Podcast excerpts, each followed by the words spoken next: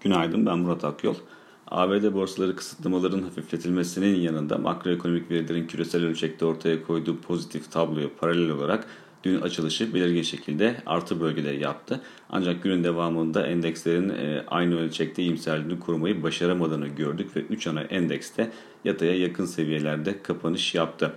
Ee, özellikle Cuma günü açıklanacak olan ve piyasalar tarafından da yakından izlenen e, aylık istihdam verilerinden önce yatırımcıların daha fazla pozisyon almakta isteksiz olduklarını söyleyebiliriz. Bu noktada enflasyon ve para politikasının seyri gibi konularında soru işareti yaratmaya devam ettiğini e, görüyoruz.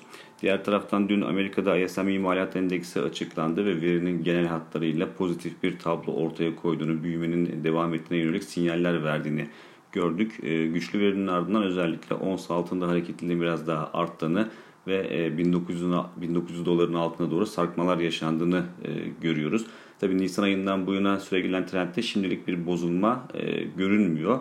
Ancak 1890 e, doların altında rakamlar oluşması durumunda günlük bazda bunun baskıyı arttırabileceğini göz önünde bulundurmak gerekir. Ki e, böyle bir senaryoda Ağustos-Mart arasındaki geri çekilmenin %50 Fibonacci düzeltme seviyesi olan 1875 dolara doğru yaklaşılması çok fazla şaşırtıcı olmayacaktır. E, ayrıca aşırı alım bölgesinde seyreden indikatörlerin de Nisan ayı başından bu yana devam eden kendi trendlerini aşağı yönlü kırmaya başlaması dikkat çekici bir durum ama dediğim gibi şu anda e, trendde bir bozulma görünmüyor.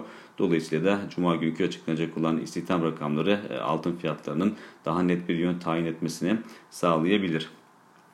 E, bugün makroekonomik veri tarafında çok ciddi bir veri yok ancak FED 2 e, hafta sonraki FOMC toplantısı öncesinde 5 kitap raporunu yayınlayacak. Rapor tabii ki Fed'in e, ekonomiyi nasıl değerlendirdiğine ışık tutacağı için piyasalar tarafından yakından takip edilecek göstergelerden bir tanesi olacaktır bugün.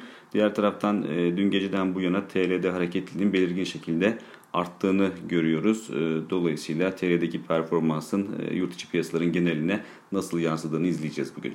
Bir sonraki podcast'te görüşmek üzere.